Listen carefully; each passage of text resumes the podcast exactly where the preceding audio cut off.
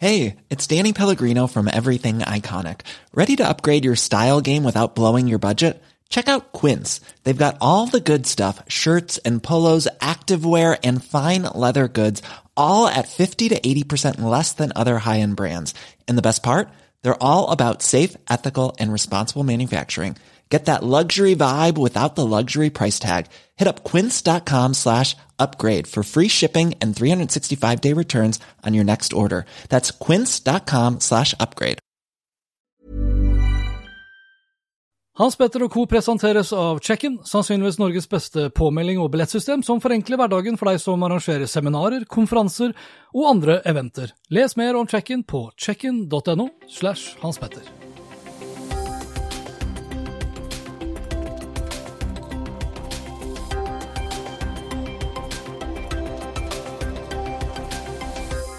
Det digitale annonsemarkedet er i sterk endring, og det er ikke bare pga. duopolet Google og Facebook, men kanskje mest av alt som følge av hva EU og Apple holder på med om dagen.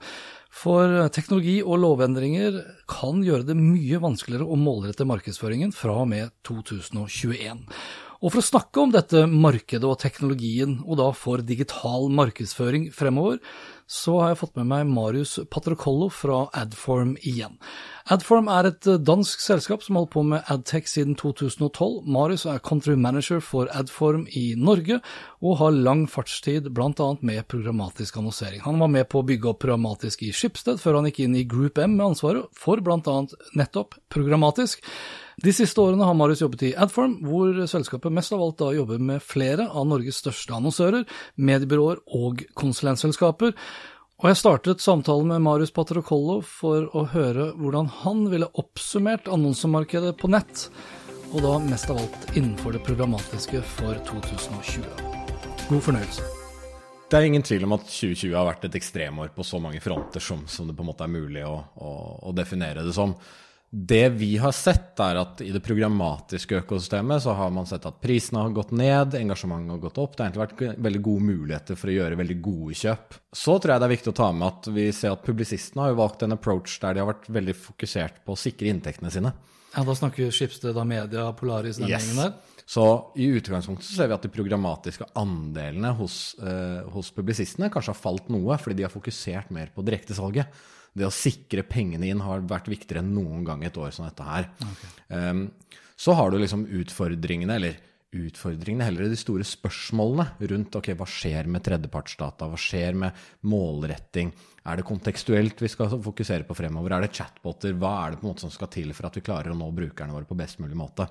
Dette er store spørsmål som har liksom definert 2020, der man også ser på eh, når Privacy Shield og Schrems 2 som, som har falt, eh, så er dette spørsmål som annonsørene har stilt seg kanskje litt sånn De, de er usikre, rett og slett. Det er det ingen tvil om. Jeg, jeg bare lurer på der, for det har blitt skrevet, syns jeg, veldig lite. Ekstremt. Ekstremt. Så når du sier at annonsørene har stilt seg de spørsmålene, vet vi hvorvidt, altså vet vi det hele tatt om annonsørene er klar over alle disse endringene som har dukket opp nå? I hvert fall da fra et europeisk ståsted. Ja, altså jeg, jeg, jeg tror vi kan definere liksom par kategorier av annonsører. Da. Sant? De aller, aller største eh, merker vi både i Norge og på tvers av Europa. Eh, enda mer i Europa har vært veldig nervøse for dette her. Ok. Eh, veldig opptatt av det og prøvd å bevisste og prøvd å liksom forstå hvilke implikasjoner dette har for dem. I Norge så vil jeg påstå at vi ser det fra liksom topp 20-knippet. Og så vil du selvfølgelig ha noen utvalgte der du har gode spesialister som sitter, sitter i organisasjonene, som setter dette på agendaen. Men det er jo ingen tvil om at f.eks. dette med Privacy Shield, da, der vi ser at overføring av data til amerikanske selskaper, den er ikke liksom beskyttet lenger via den reguleringen som EU hadde, hadde på plass. Så er man jo nødt til å eh, revurdere hvilke eh, verktøy er det man bruker, og hvor godt eh, sikret er du som annonsør. Ja, for det, det vi prater om da, det er jo da den gode gamle Safe Harbor, som er eldgammel. Mm. Og så fikk du Privacy Shield, som tok over for den. Og så kommer jo han østerrikeren, var det ikke? Yes. Max Eh, Schrems, Max Schrems, ja. som er sånn personvernaktivist Mm. og jurist etc. eh, Som jeg husker Dagens Næringsliv skrev om for en stund siden. Nå har jo den dom nummer to kommet, som, og det er den du prater om nå? ikke sant? Ja, det er dom nummer to, ja. Så per dags dato så er det ikke lov eh, for Det gjelder bare amerikanske, eller gjelder det bare selskaper? Amerikanske. Ok, så det altså der selskaper- data lagres i USA, eller Riktig. overføres til USA. Så, og, og her er jo da Her har man jo liksom sett fokuset da, satt fokuset på Facebook, da. Facebook, Google, Amazon. ikke sant? Ja, du kan jo, si sånn, i prinsippet Microsoft vurder- Teams, EU, Zoom da, EU, ville vurdere, eller EU ville da kreve at Facebook ikke fikk lov til å sende informasjon om europeiske borgere ut av Europa. De Mm. måtte bygge egen infrastruktur, egen salgsorganisasjon osv. Europeiske servere, for Ja, eksempel. riktig. Sant? Men jeg leste også du måtte ha med med, Jeg tror unntaket var e-post. Ja. Så Google trenger ikke gjøre noe med gmail som sådan. Men eh, så har jo da Facebook respondert med å saksøke da EU. Mm. Eh, og det her gjelder jo ikke bare Facebook, det er bare at de bruker Facebook som det store flaggskipet. Det er jo på en måte, ikke sant? De store flaggskipene er jo Google og Facebook, på en Ja. der man ser at massive, eh, massive strømmer av persondata ja. strømmer på tvers av Atlanteren. Men i, i praksis så er det jo sånn fra Hootsuite, Sprout Social, Yes. alle verktøy egentlig vi bruker nå i dag. Helt riktig. Apper jeg laster ned fra iPhonen min etc. Og en viktig dimensjon da, som er verdt å ta med, sant? det er jo ikke bare at dataen flyter. Det handler også om at hvis det sitter mennesker på utsiden av EU og behandler dataen, selv om dataen da ligger på server i EU, hvis det sitter noen i India som en tredjeparts eh, servicepartner og jobber på vegne av deg, ja, så er jo dette heller ikke lov.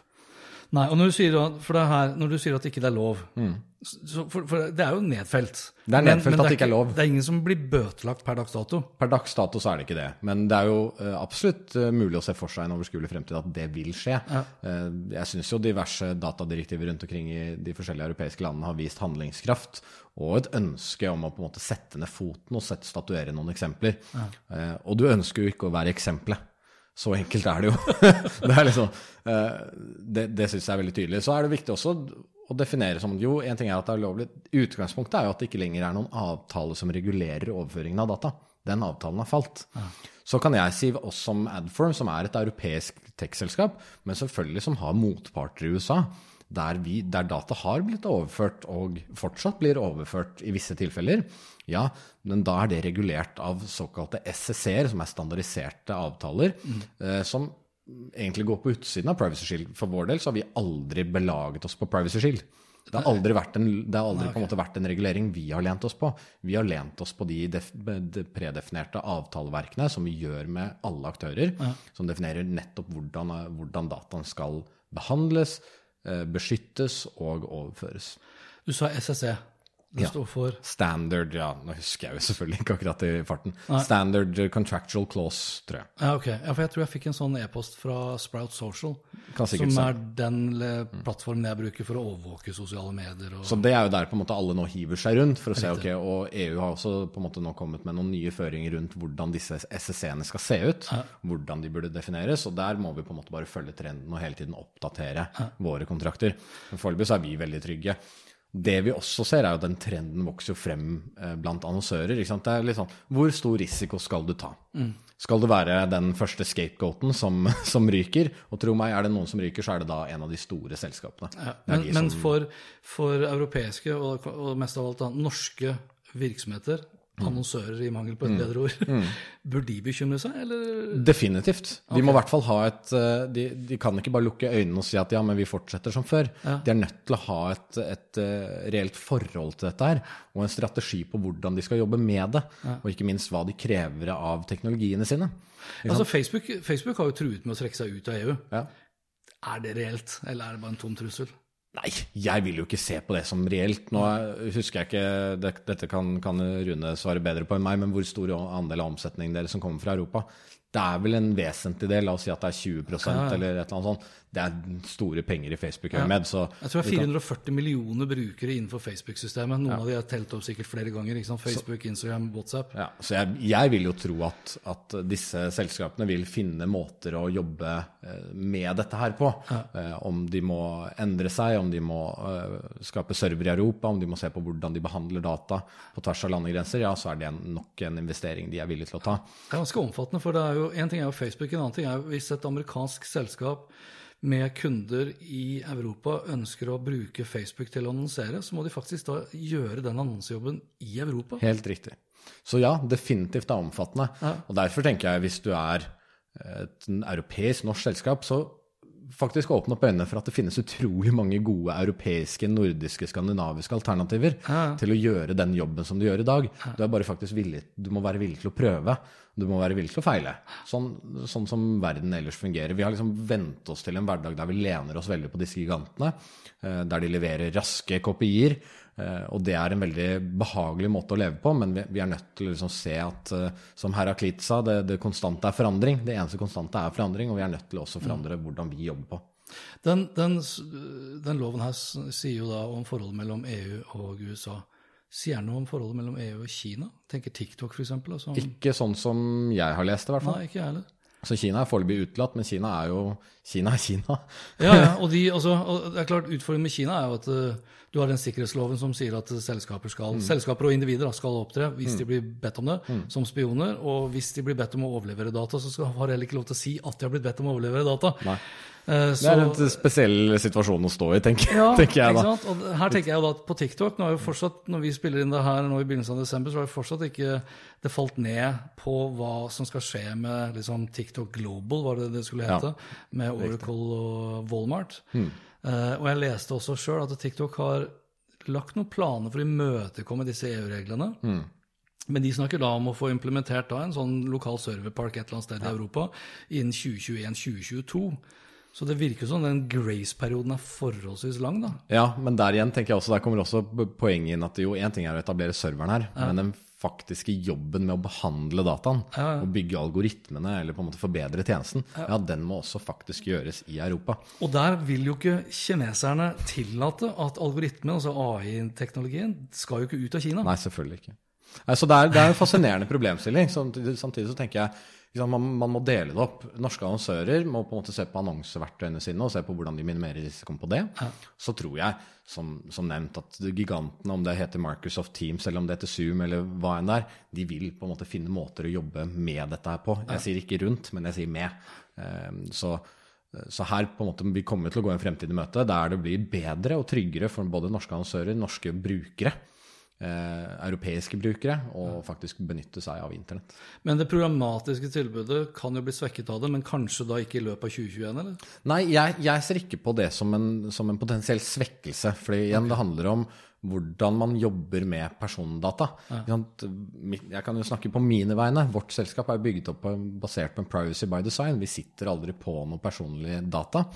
Alt av IP-adresser hashes. Det er, liksom, det er ingen mulighet for å komme seg tilbake til mennesket. Eh, og så lenge eh, man ser i det programmatiske økosystemet, så, så, liksom, så lenge man regulerer den dataflyten, så tenker jeg at det egentlig er uten større utfordringer. Okay. Den større utfordringen, det er jo tredjepartsdata og cookies som kommer til å dø i løpet av 2020, eller liksom 2020, 2022, da, januar 2022, så sier Google at da er det slutt. Ja, ok. Du, den må vi ta litt på, for den også en sak som veldig sjelden egentlig blir debattert. Ja, og det er jo, uten å på en måte stikke for mange av på en måte journalistene eller, me, eller mediene som, som på en måte kanskje burde ha skrevet om dette, her, så merker jo vi som jobber veldig liksom, i, i kjernen av dette, her, at kompetansen ute blant mediene er altfor dårlig til å klare å skrive fornuftige, eh, fornuftige artikler rundt disse temaene. Men la, la, oss, si, la oss ta meg, da. Ja. Petter Hanspetter.info. Mm. Jeg bruker Google Analytics og diverse andre for da å ikke overvåke, selvfølgelig, men for å gjøre din brukeropplevelse bedre. Hva vil cookie-direktivet og fjerning og eliminering av det ha for meg å si? Igjen, Nå skal ikke jeg snakke for mye om Google, da, men Nei, det jeg kan si sånn er, jo- ut, utgangspunktet er jo at veldig mange teknologier gir deg jo nå muligheten til at den tredjepartscookien som du setter fra f.eks. Google Analytics, da, ikke nødvendigvis heter en tredjepartscookie lenger. Fordi så lenge du holder den cookien, og den ligger på dine servere, Mm. så kan den redefineres som en førstepartscookie. Ah, okay. Og førstepartscookies er fortsatt lov, også i en Safari eller en Apple-verden. Så er det fortsatt lov. Så det vi har sett, og som Adform har jobbet veldig mye med i 2020, er å forberede oss på en førstepartsdataverden og en førstepartscookie. Ok, Så cookiene all, all together vil ikke forsvinne? Nei, definitivt ikke. Det bare handler om at den, disse, den cookie-bombingen som man har drevet med, gå inn på en nettside, og så er det 40-50 selskaper som setter trackere på deg. Nei, den virkeligheten, takk Gud, er vi liksom eh, i nær med å, å, nær med å gå forbi. Hva, hva tenker norske La oss si vi kan jo ta Skipsted er jo ganske hardcore når det kommer til det. TV 2 husker jeg var vel en av de aller verste. Nettavisen Vi har flere mediehus som skriver gjerne kritisk om overvåking fra disse aktørene, og så er de så himla rå på å overvåke De er jo nødt til å på en måte være like gode som sine amerikanske konkurrenter, ja, kan du si. Ja.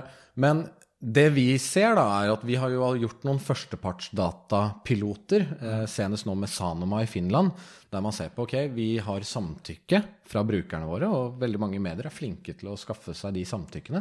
Eh, Nettopp fordi i Norge så tror vi på denne pressefriheten, vi tror på demokrati og tror på viktigheten av fri presse. Um, så ser man at så lenge man klarer å samle inn de samtykkene, ja, da har du førstepartsdata som du faktisk kan målrette på, eller som for første gang på veldig lenge faktisk måler frekvens på en iPhone. Fordi en iPhone resetter jo cookien hver time, men med en førstepartscookie så sitter den mye lenger enn det en tredjepartscookien gjør. Ja. Så vi jobber med et par piloter på blant Det du et par nå, av de jeg må avbryte, for Ja. det du sier nå er jo egentlig veldig viktig. for Vi hører, vel, hører jo ofte at folk klager over at de må logge seg på flere ganger. ikke sant? Mm. Selv om jeg har logget meg på f.eks. av Skipsted, så finner jeg plutselig ut to timer etterpå gjennom kanskje Facebook, som jeg bruker en helt annen browser, at du Mm. også må logge deg på. Det skyldes jo da hvor lenge disse cookiene får lov til å sitte med de dataene. ikke sant? Helt riktig. For cookies er ikke et skjellsord i utgangspunktet. det har kanskje blitt det, men veldig mye på en måte som er basert på cookies, handler jo om å levere en tjeneste som er bedre for deg.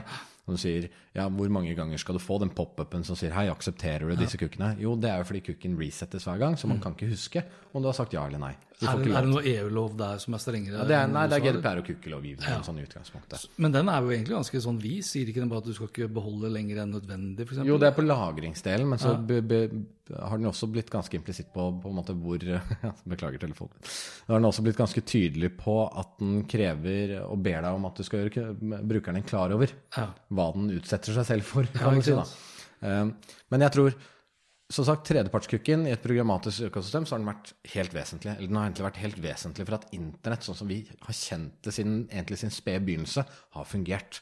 Disse informasjonskapslene det er på en måte det som har gjort det mulig å fortelle oss at vi ikke skal vise den samme annonsen 100 ganger. Vi vil vite om du har sett den to, for da kan vi stoppe. Ja. Vi vil vite har du sett denne annonsen, så kan vi vise deg denne annonsen. Det er nettopp for at vi skal kunne lage disse kundereisene eh, digitalt som faktisk fungerer. Em, med da fallet av tredjepartskukken så er vi nødt til å se på okay, hvordan benytter vi andre identifikatorer som du faktisk har gitt et samtykke til at vi kan få lov til å benytte oss av. Betyr det, betyr det for så vidt også at det vil være mer gunstig for min og din brukeropplevelse at vi er pålogget f.eks. For de forskjellige verktøyene og tjenestene vi bruker? Ja, men absolutt. Men første, førstepartskukken er ikke nødvendigvis belaget på at det er pålogget. Den Nei, er belaget på har jeg- samtykke, så den kan være knyttet til en brukerprofil. Ja, ja. Hvis, jeg, hvis, jeg, hvis du har logget deg på hanspetter.info f.eks., Mm. så vil jeg også kanskje i større grad, hvis du har samtykke til det, ta i bruk tredjeparts, eller vil Nei, det du vil uansett fortsatt ikke bruke tredjeparts. Jeg Du vil vil ikke fortsatt nei. bare leve på den førstepartsidentifikatoren, Ja, ja som kan settes enten ved hjelp av en cookie, eller ved hjelp av at du har innlogget, som sier at ok, vi vet e-postadressen, som igjen anonymiseres, og vi jobber på en måte med det anonymiserte. Det som er viktig i dette her, som på en måte er de store driverne, er at sånn som vi ser internett i dag, så er internett delt opp i tre deler. Du har Google, ett økosystem, du har Facebook, ett økosystem, og så har du resten av internett. Så hvordan sørger vi for at den tredje resten av internett faktisk er adresserbar på lik måte som Facebook og Google er? Uten at vi på en måte skal bevege oss inn i, i måten de gjør ting på, så, så ser jo vi for oss at jo, vi må ha et internett der det faktisk er mulig å vite om denne brukeren er den samme brukeren som vi så for ti minutter siden, eller for en time siden, eller for ti dager siden. Eh, Det skaper muligheter for annonsøren igjen å bygge den dekningen de faktisk er avhengig av, målrette på iPhoner som man ikke har kunnet gjøre på veldig lenge, forstå kundereisen, forstå hvilke ledd i en markedsføringskampanje som faktisk bidrar med verdi. Så vi kommer oss tilbake. Vi har liksom stått i et lite vakuum nå egentlig de siste kanskje halvannet-to årene. Det er ok, Vi vet at tredjepartskukken skal dø. Vi vet at eh, Safari, Firefox har innført begrensninger på tracking, som gjør at egentlig målrettingen, målbarheten og frekvensstyringen har blitt mye dårligere, som egentlig har ført til en dårligere internettopplevelse for deg og meg. Ja, ja. Fordi det henger faktisk sammen. For at vi skal kunne gi deg, for at en avis skal kunne gi deg den beste journalistikken, så er de nødt til å tjene penger. For at de skal tjene penger, så er de nødt, stort sett nødt til å selge en annonse. Mm. For at de skal klare å selge annonsen, så er annonsøren nødt til å få verdi for den annonsen som leveres. Og for at de skal klare å se verdien, ja, så er vi nødt til å på en måte ha denne målingen i bunn. Hvis ikke så blir det verdiløst for alle parter. Ja, og så har jo vi som brukere også vært fryktelig irritert tidligere over manglende form av eh, kontekst når det kommer til Mm. artikler versus annonser du får opp imot dine interesser. Mm. Så vi har jo vært interessert i, og det har jo alle undersøkelser også vist, vi er villige til å gi fra oss mye informasjon hvis vi bare føler at verdien vi får Absolutt. tilbake er bedre. Og der ser man jo også at de eldre føler jo i større grad enn de yngre at de opplever relevante annonser, men det er også for at de er mindre aktive. så de, de gir fra seg mindre signaler. Men du sa, du sa tre internett. Det, kanskje vi skal gå over på uh, IDFA til Apple? For jeg vil nesten si at vi begynner å få et slags fire-type internett. Fordi i hvert fall her i Europa, og i hvert fall her i Norge, hvor veldig mange av oss er aktive på mobilene våre, og i Norge så er iPhone er liksom 60 omtrent. ja, ja, riktig. Det, ser du liksom topplistene til Telenor og Telia Mm. og så videre, så er vel de første seks plassene dekket av eh, Apple, stort sett. Huawei er det vel nesten bare du som har. Nei da. Ja, de faller, stakkars. Eh, De gjør det. Eh, Og ikke minst her i Europa eh, og Norge. Men det er vel Samsung. Altså Stort sett så er det duopol, det er det duopol i Norge. iPhone og Samsung. Poenget mitt er at for vi ser jo da, Du, nevnte jo Facebook og du nevnte Google som liksom to av tre internett. Mm. Og så har du da Facebook og Google over en Apple-plattform. da. Yes, så du nevner jo IDFA, ikke sant? Ja, Identifier for Advertisers, Ja. som kom da i IOS 14. Og det, den begrensningen der, eller den, hva heter det, den, den pop-up-boksen hvor du skulle samtykke til at Facebook blant annet, og andre, får lov. får lov å tracke deg ja. utenfor eh, for så vidt da Facebook-plattformen, eh, den trer jo da i kraft nå i januar 2021. Yes. Og det du kan si da, bare liksom, hvis, man, hvis jeg skal prøve å se liksom, hvis jeg prøver å se det store bildet Ja. For en del år siden så gikk Apple vekk De hadde jo egentlig et annonsenettverk. Mm. Så gikk de vekk fra det sånn Nei, vi skal ikke, vi skal ikke drive med ads. Vi selger ikke din data. Cool fact a crocodile can't stick out its tongue. Also, you can get health insurance for a month or just under a year in some states. United Healthcare short term insurance plans, underwritten by Golden Rule Insurance Company, offer flexible, budget friendly coverage for you. Learn more at uh1.com. I'm Sandra, and I'm just the professional your small business was looking for. But you didn't hire me because you didn't use LinkedIn jobs. LinkedIn has professionals you can't find anywhere else, including those who aren't actively looking for a new job but might be open to the perfect role, like me. In a given month, over 70% of LinkedIn users don't visit other leading job sites. So if you're not looking on LinkedIn, you'll miss out on great candidates like Sandra. Start hiring professionals like a professional. Post your free job on linkedin.com/achieve slash achieve today. Det grepet de gjør nå, ser jo mistenkelig ut som at de er i ferd med å bygge opp en kanskje en tredje Walled Garden. Ja, Og så får vi gjerne sånn en fjerde Walled Garden. Så det, det ser jo definitivt ut som at de beveger seg mer i den retningen. Ok, men vi skal eie identifikatoren. Vi skal bestemme hvordan den distribueres eller ikke. Eller i hvert fall de overlater det til deg å vurdere det, sånn, for da kan, de, da kan de alltid si at vi er veldig opptatt av ditt og mitt personvern. Mm. Og hva du takker ja eller nei til, ja, det er jo opp til deg. ikke sant? fordi- For dette vet du Ja, best. fordi når, når vi er på vei til innhold, så bryr vi oss veldig om den pop-upen som kommer i veien. Den er jo bare å klikke vekk så fort du overhodet klarer. Selv jeg gjør jo det. Men, men det er jo alvorlig når selv da Facebook, så nå kan vi jo, nå kan vi jo diskutere tilliten vi har til Facebook versus da avhengigheten. Men, Mm. men det er jo alvorlig når Facebook sjøl sier at de vurderer å trekke hele Audience Network ut av eh, IOS. da. Ja, og jeg, altså, Audience Network er jo litt sånn Facebook sin versjon av Google, eh, Google sitt nettverk. Ja, For å kunne da gi deg annonse. Altså, du har vært inne på en nettside, og Mm. så får du en annonse for det du så på på Facebook. Sånn kort fortalt. Mm. Og da eier de igjen denne identifikatoren som gjør at de liksom kan tracke deg overalt. Riktig. Vi ser jo på en måte at den tracking, og Facebook er jo også avhengig av førsteparts-cooken når de beveger seg på tvers av nettsider utenfor seg selv. Um, og da er de avhengig av det samtykket. Ja. Og jeg tror jo mer vi på en måte blir klar, blir klar over hva vi samtykker til, spesielt med de store gigantene, fordi igjen der er rettssikkerheten vår dårligere, kontrollen vår er dårligere, vi har mindre oversikt over hva som faktisk skjer på andre siden av dammen. Igjen fordi på andre siden av dammen så har de et annet forhold til personvern enn det de har her. Ja, det er jo øh, tilbake til det jeg spurte om også innledningsvis, det her med hvor mye kompetanse har vi om det her. For jeg tror jo på den ene siden så er det nok sånn det er nok en større sannsynlighet for at når du laster da ned en ny app, da, eh, og du får opp den pop-up-boksen som er veldig sånn advarende, Ja. så er det mm, Sannsynligheten er større for at du sier nei i dag Riktig. enn det den var for to år siden. Og da øker det, og når, når kunnskapen er begrensa, Mm. så øker også det sannsynligheten for at du i løpet av de neste 14 dagene så blir du pissed for at du får mye irrelevant ja, annonsering. Men det er jo, jeg her beveger man seg inn på et eh, interessant tema, syns jeg. Da, fordi liksom, når man snakker om samtykker, så er det liksom, i dag så har vi tatt det for gitt at vi har fått dem. Vi har bare, Eller vi har egentlig stjålet dem inntil, for, inntil GDPR kom. Jeg tror I tiden vi beveger oss fremover, så må vi jobbe litt mer for samtykkene vi skal ha. Ja. og det syns jeg brukerne fortjener. Jeg som sluttbruker fortjener at et stort norsk selskap som vil kunne benytte min data til et eller annet, ja, for at de skal gjøre det, så skal jeg ha noe tilbake.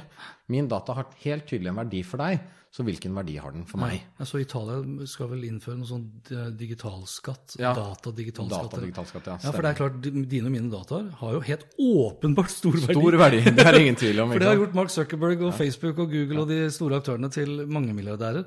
Og da, Siden du nevnte akkurat det med data, fordi du har denne Digital Services Acten. Mm. Nok en, en uh, lov som uh, for så vidt da ikke er vedtatt, det er utkast, etter hva jeg har skjønt, som heller ikke mediene her i Norge skriver noe særlig om.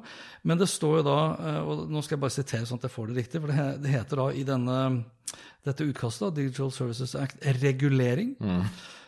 at selskaper som f.eks. Facebook, Google, Amazon med flere, og da siterer jeg, ikke skal kunne bruke data samlet inn på sin plattform utelukkende til egne kommersielle aktiviteter, med mindre de gjør dataene tilgjengelig for andre virksomheter som konkurrerer i de samme kommersielle markedene. Altså Facebook kan kort fortalt bli tvunget til å dele dataene om oss til Med meg, for eksempel, ja. Ja, eller med Schibsted. Ja. Ja, jeg tror Dette blir- Misforstå meg rett, men dette blir litt sånn eh, korona, hva er lov, ikke lov, og hva er regulering, og hva er anbefaling? Altså, det, er sånn, det er så mange ting som skjer på en gang, og det er veldig mange baller som kastes opp i luften. Eh, så får man se på en måte hvor hver og enkelt av de lander. Jeg syns jo et, et direktiv eller en regulering som de, som de foreslår her, det sier seg selv at det er ekstremt vanskelig å gjennomføre i praksis. Ja. Um, så jeg syns det er vanskelig å uttale meg om det, rett og slett fordi det er fortsatt veldig ullent. da. Hva betyr, og det er samme med veldig, veldig mye av dette her. Hva betyr det faktisk? Jeg syns den tydeligste er på en måte Shrems 2, og at privacy shield faller. Ja. Det er ganske tydelig hva som er lov, og hva som ikke er lov. Og hva som er akseptert og ikke akseptert. Så er ikke konsekvensbildet nødvendigvis tegnet opp spesielt godt enda, men, men det vil jo komme. Det er jo liksom, Vi har jo det her tredelte internett som jeg ofte refererer til. Mm. Eh, For det, summen av alt det vi har snakket om nå, som Mm. er da europeiske initiativer, med unntak av IDFA, mm. så er det jo litt sånn I Europa så skal alt uh, reguleres. Reguleres. I USA så er nesten alt lov, og i Kina så er alt overvåket. Så, og alt er lov inntil det motsatte er bevist. ja, ja, ja, ikke sant? Og, og de tar seg godt til rette, da, i og med at det er, de er så stor makt, så ingen tør å si de imot heller. Så TikTok kan jo egentlig i praksis gjøre hva de vil. Ja, ja. Det tror jeg. Men fra da et, fra da et eh, adform-perspektiv, programmatisk inn i Mm. det norske markedet, hva, hva sier du til kundene i Norge inn mot 2021? Nei, vi er opptatt av at kundene endelig på en måte setter seg i førersetet når det gjelder teknologi og hvilke egentlige risikoer de utsetter seg selv for. Altfor lenge så har norske annonsører på en måte bare? Det, er, det er lett å bare velge de verktøyene og de store amerikanske gigantene uten å egentlig innse konsekvensene av datasikkerhet, dataoverføring, eh, selskapssikkerhet etc. Um, vi er opptatt av at de skal ta, som sagt, sette seg i førersetet, være kritiske til teknologiene de benytter. Still de tøffe spørsmålene. Forstå hvordan, de, hvordan selskapene opererer innenfor de rammeverkene som nå er satt. Hvilke fremtidsutsikter er det de har? Hvordan jobber de på en måte Ja, hvordan jobber de når kukken er død? Hvordan jobber de når data ikke kan overføres til USA? Eh, og faktisk ta dette her ordentlig inn over seg. Fordi det å ta et teknologivalg i dag, f.eks. å velge en amerikansk gigant, uten å, tatt uten å ha hensyntatt risikoen som ligger i dataoverføringsdelen, ja, da mener jeg at du utsetter deg selv for enorm risiko. Og hadde jeg vært adminder, så hadde jeg nok sett med kritiske øyne på den CTO-en eller CDO-en eller CMO-en som bare tok det valget og satt to streker på den kontrakten og under svaret, uten å egentlig ha fått to streker under svaret tilbake. Det er, liksom, det er det jeg er mest opptatt av. Liksom, hvordan kan du skrive under på en kontrakt der du ikke har krevd samme transparens på en måte fra denne aktøren, denne aktøren og denne aktøren på hvordan de faktisk fungerer? Eh, Nå har vi nettopp som egentlig første eh, adtech-selskap i verden, latt oss eh, på en måte gå i sømmene av PwC. PwC slapp i, i, i våres en rapport fra England, så, såkalte ISPA-rapporten, som viste hvor mye måte, penger som forsvinner i et programmatisk økosystem, og de prøvde å følge pengestrømmen. Da viste det seg at ca. 20-30% klarte de ikke finne ut av hvor det forsvant. Um, derfor så vi ok, vi vil ha det samme PwC-teamet til å ettergå vår teknologi. Ja. Og vi kontaktet dem, ikke en annonsør som kontaktet dem på vegne av seg selv, men vi tok direkte kontakt og sa hei, se på hvordan FI-strukturen vår er. Se på hvordan pengene flyter, hvordan dataen flyter. Se på hvordan matchrates faktisk fungerer. fordi når vi snakker om førsteparts-ID-er, jo, da er det jo ekstremt viktig at teknologien du bruker, nummer én, kan for å lese og, og, agere på den type ID, men også at den teknologien har en felles ID-struktur på tvers av sitt økosystem. Ta en eh, DSP, som typisk er kjøpsplattform. Ok, Du kjøper en annonse fra, eh, fra en publisist. Så får du én ID fra publisisten, og så skal den leses av vår, eh, vår teknologi for at den på en måte skal gå sømløst, og at du skal kunne få liksom det beste bildet av brukeren, så er den ID-en på en måte nødt til å ligge på samme infrastruktur for at den skal kunne lese raskest mulig. For husk at disse annonsene og avgjørelsene som tas før annonsen vises, jo, det er faktisk nå nede i ca. 120 millisekunder. Dette skal gå raskt. Ja. Eh, så liksom se på at de teknologiene du velger, faktisk kan levere det de sier. At det ikke bare ser veldig flott ut på powerpoints. Nå har du for svart på hvorfor journalister ikke skriver ja, om det. det er jo, selvfølgelig er det komplekst. ja, det er. Men, men, eh, det er derfor jeg syns det er eh, enda mer på en måte motiverende og fascinerende å se at vi, nå har vi faktisk eh, ganske mange annonsører som vi sitter i ganske dype samtaler med. Ja. For å forstå hvordan infrastrukturen faktisk er bygget opp, hva som er viktig å se på i tiden fremover. Mm. Eh, og også liksom velge teknologi som jeg, som jeg står for. Da. Velg teknologi som er uavhengig av media. Ikke sant? Ikke som har en egeninteresse av å forfordele dine penger til sine egne lommer. Velg medier som støtter Facebook sa du for så vidt. Jeg sa ikke navn, du kan si de navnene du vil, men sant? Eh, velg medier som støtter opp under den pressefriheten som vi faktisk er opptatt av, kanskje mer enn noen gang, for å se et velfungerende demokrati. Velg teknologier som støtter de. Velg teknologier som har en Er det proteksjonisme i praksis, det du egentlig Nei, ikke nødvendigvis. Man snakker om et verdigrunnlag da, ja. for, for, hvordan man ønsker å operere som aktør, og på en måte hvordan man ønsker ja. å, å, operere langsiktig. Men Det syns jeg er veldig viktig, for det er sånn som eh, Kampanje og Knut Kristian også har skrevet tidligere om den her, en vanvittig tillitsmangelen mm. blant brukere. Men som helt åpenbart eh, annonsørene gir beng i. Og det mm. viser de klart og tydelig med pengebruken, pengebruken sin. Mm. Og det er sånn som Petter, um, Petter Gulli og flere andre mm. også som snakker om det her med bærekraft. Mm. Vis hvorvidt du er opptatt av det. Eller er det med, greenwashing, liksom? Ja, ikke sant? men vis hvordan du er opptatt mm. av det med kredittkortet ditt eller debitkortet ditt. Uh, og Det samme gjelder jo for så vidt også her. Da. Det er et, mm. som du sier, det er et verdispørsmål, kanskje mer enn bare da et tillitsspørsmål. Mm. For gang på gang altså, du, du, nevner jo egentlig Skipsted der uten å si Skipsted, og da tar du også med deg VG, som er Norges største avis, men som vi har tilsvarende tillitsforhold til, som mm. Facebook bl.a. Det er som jeg alltid har sagt, kvalitet er subjektivt. så er liksom, Vi skal ikke definere hva som er kvalitet, Nei. men vi skal definere hva som bygger opp under på en måte vår pressefrihet ja. og friheten til å snakke. Eh, så tror jeg, synes jeg det er interessant det du nevner med ja, put your money where your mouth is. Ja. Jeg satt med en gruppe veldig store norske annonsører for en tid tilbake, der de alle sammen stiller seg bak noen noen kriterier som Anfo snakker høyt om, som på en måte går på dette med ja, som World Federation of Advertisers egentlig har skrevet ned. Det er liksom en creed. Man sier at jo, vi skal, velge, vi skal kun velge plattformer der vi har lov til å måle ting med tredjeparter.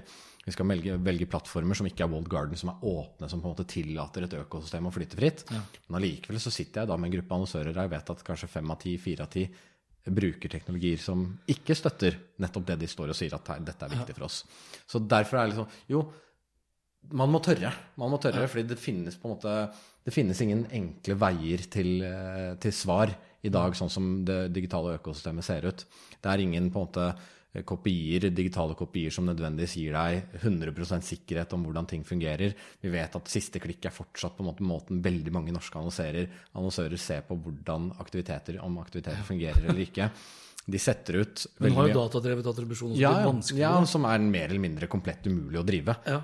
Du, kan, du kan se på en touchpoint-analyse for å prøve å forstå hva brukeren har vært borti, men det å faktisk ilegge eller tillegge verdi til hver og en av de punktene, Mm. ja, det er litt sånn guessing game, og da må du på en måte velge din egen sannhet og stå for den.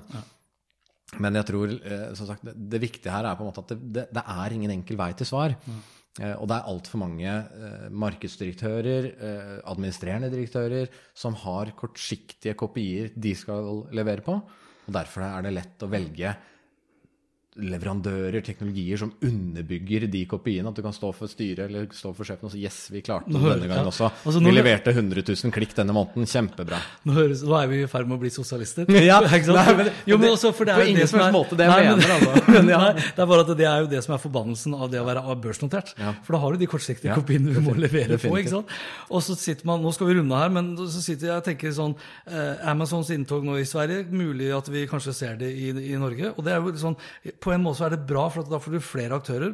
Samtidig så er jo Amazon ikke bare hvem som helst. De er jo også veldig opptatt av et wall garden. Enda et lukket økosystem. Riktig, og verden er jo i ferd med å, liksom bli fryktelig sentralisert ned på noen fryktelig få aktører, som er da verdens rikeste på toppen av det hele. Og Amazon, på lik linje med de andre aktørene, sånn ut ifra mitt eget tillitsforhold, veldig, mildt sagt et ambivalent forhold til Amazon og deres type sosiale dumpingstrategi med bruk av roboter. Men god damn, hvor convenient det er å bruke det, ikke sant? Det skjønner jeg, ikke sant? Convenience trumfer jo det aller meste. ja, så, sånn, sånn er det jo. Men jeg tror liksom, eh, som, som jeg har sagt noen ganger? Vi, Disse store Gafa-selskapene som på en måte snakker om at eh, brukerne er så viktige for dem, vi skal nok ikke glemme at de har akkumulert en børsverdi på rundt 1000 milliarder dollar basert på å utnytte oss. Greit, de har gitt oss en tjeneste tilbake som vi kanskje litt sånn blindøyet har sagt jo, men denne tjenesten er verdt den, den byttehandelen. Så tror jeg at terskelen for den byttehandelen kommer til å bli mye høyere i årene som kommer, etter hvert som vi skjønner mer hva det er vi faktisk gir fra oss. Avslutningsvis da, for programmatisk er jo en del av adtech, og fram til nå så har jo markedet vært veldig styrt av eh, teknologien. Ja. Jeg tror at markedet fremover kommer til å være mye mer styrt, helt åpenbart, av politikken. Det er uten tvil om at det kommer nok til å spille inn i mye større grad de neste par årene. Eh, og det kan være fornuftig, ikke fornuftig. Eh, jeg tror, altså, det, det er vanskelig å, om regulatører skal bryte opp store selskaper. Jeg tror det, det er en vanskelig oppgave. Men å demokratisere tilgang til varelager, f.eks., demokratisere tilgangen til eh, informasjons- og dataflyt, jo, den tror jeg internett som helhet vil gagne av, og jeg tror det vil gagne brukerne til slutt. Og det var det for denne gang. Lenker til det Marius og jeg har snakket om, ja, det finner du på spetter.info. Likte du det du hørte og vil forsikre deg om at du får med deg de neste episodene, da kan du bl.a. abonnere på Spetter og Co. på Apple Podcaster. Ellers er podkasten selvsagt også tilgjengelig på Spotify, Acast, Google Podcast, Overcast og TuneIn Radio, for å nevne noen. Inntil neste gang, vær nysgjerrig, for det er den meste måten å møte vår digitale fremtid på. Hans Petter og Co. presenteres av Check-in, sannsynligvis Norges beste påmelding og billettsystem som forenkler hverdagen for deg som arrangerer seminarer, konferanser og andre eventer. Les mer om Check-in på checkin.no slash Hans Petter. Planning for your next trip? Elevate your travel style with Quince. Quince has all the jet setting essentials you'll want for your next getaway, like European linen, premium luggage options, buttery soft Italian leather bags, and so much more. And it's all priced at 50 to 80% less than similar brands. Plus, Quince only works with factories that use safe and ethical manufacturing practices. Pack your bags with high-quality essentials you'll be wearing for vacations to come with Quince. Go to quince.com slash trip for free shipping and 365-day returns. My business used to be weighed down by the complexities of in person payments. Then, Tap to Pay on iPhone and Stripe came along and changed everything. With Tap to Pay on iPhone and Stripe, I streamlined my payment process effortlessly. Now I can accept in person, contactless payments right from my iPhone. No extra hardware required. What's truly remarkable is how I can cater to all of my customers' payment preferences. Whether they're using cards, Apple Pay, or other digital wallets, Tap to Pay on iPhone and Stripe ensure a smooth checkout experience every time. And it's not just me. Stripe helps businesses of all sizes, from local markets to global retailers, scale quickly and stay agile. To learn how Tap to Pay on iPhone and Stripe can help grow your revenue and reach, Visit stripe.com slash tap iPhone.